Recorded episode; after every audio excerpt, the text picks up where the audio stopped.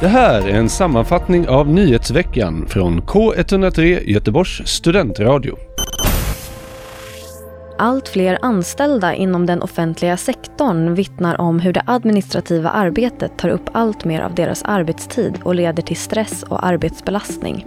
Den 10 maj kommer det hållas en after work med forskare på Pustervik där det administrativa arbetets påverkan på bland annat verksamheters kvalitet och jämställdheten på arbetsmarknaden kommer diskuteras. Evenemanget börjar klockan halv sex och det är fri entré. Nu har möjligheten att rösta fram årets bok öppnat för allmänheten. Röstningen är öppen fram till 3 september och priset delas ut på Bokmässan i Göteborg den 29 september. Förra årets vinnare var Dit du går följer jag av Lina Nordqvist. Den som vill rösta kan göra det via Årets boks hemsida.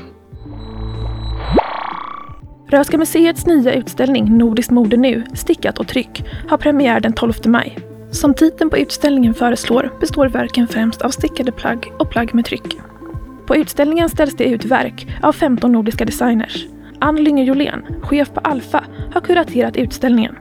Syftet med projektet är att stötta en ny generation inom mode och är del av ett samarbete med Alfa, Nationalmuseet i Oslo, Esbo Museum of Modern Art utanför Helsingfors och Copenhagen Contemporary. Två journalister har blivit hedersdoktorer på Göteborgs universitets samhällsvetenskapliga fakultet. Den ena är Sveriges Radios inrikespolitiska kommentator Fredrik Furtenbach och den andra är mediekonsulten och journalisten Paul Ronge som bland annat tidigare jobbat på Aftonbladet, Rapport och Expressen.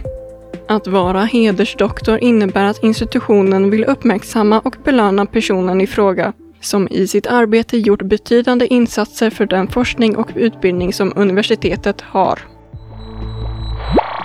Folkteatern i Göteborg har fått en ny ordförande. Den 24 april valdes Kerstin Brunnberg till styrelseordförande i Folkteatern i Göteborg.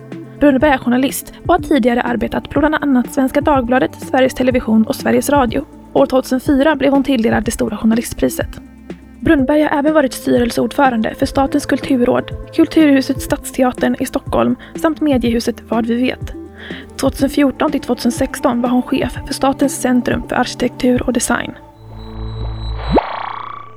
Chalmers genomför nu den första rikstäckande enkäten i Sverige som ska kartlägga studenters AI-användande. Enkäten har hittills hunnit få över 3000 svar från studenter på landets samtliga universitet och högskolor. Christian Stör, som är docent vid institutionen för vetenskapens kommunikation och lärande på Chalmers, säger så här i ett pressmeddelande angående enkäten. Citat. Det verkar som att många studenter känner en oro och saknar tydliga riktlinjer om AI-användning i de lärandemiljöer där de befinner sig. Slutcitat. Enkäten stänger den 5 maj och resultatet kommer att publiceras i en rapport under vecka 19 på Chalmers hemsida. I en studie från Göteborgs universitet framkommer det att de filter som finns i de flesta cigaretter utgör en fara för vattenlevande organismer. Och nu vill forskningsgruppen bakom studien se ett totalförbud mot filtercigaretter. En av forskarna är Bethany Carney Almroth och hon menar att det inte finns någon bra anledning att behålla filtrerna då det skydd de sägs ge egentligen bara är ett marknadsföringsknep.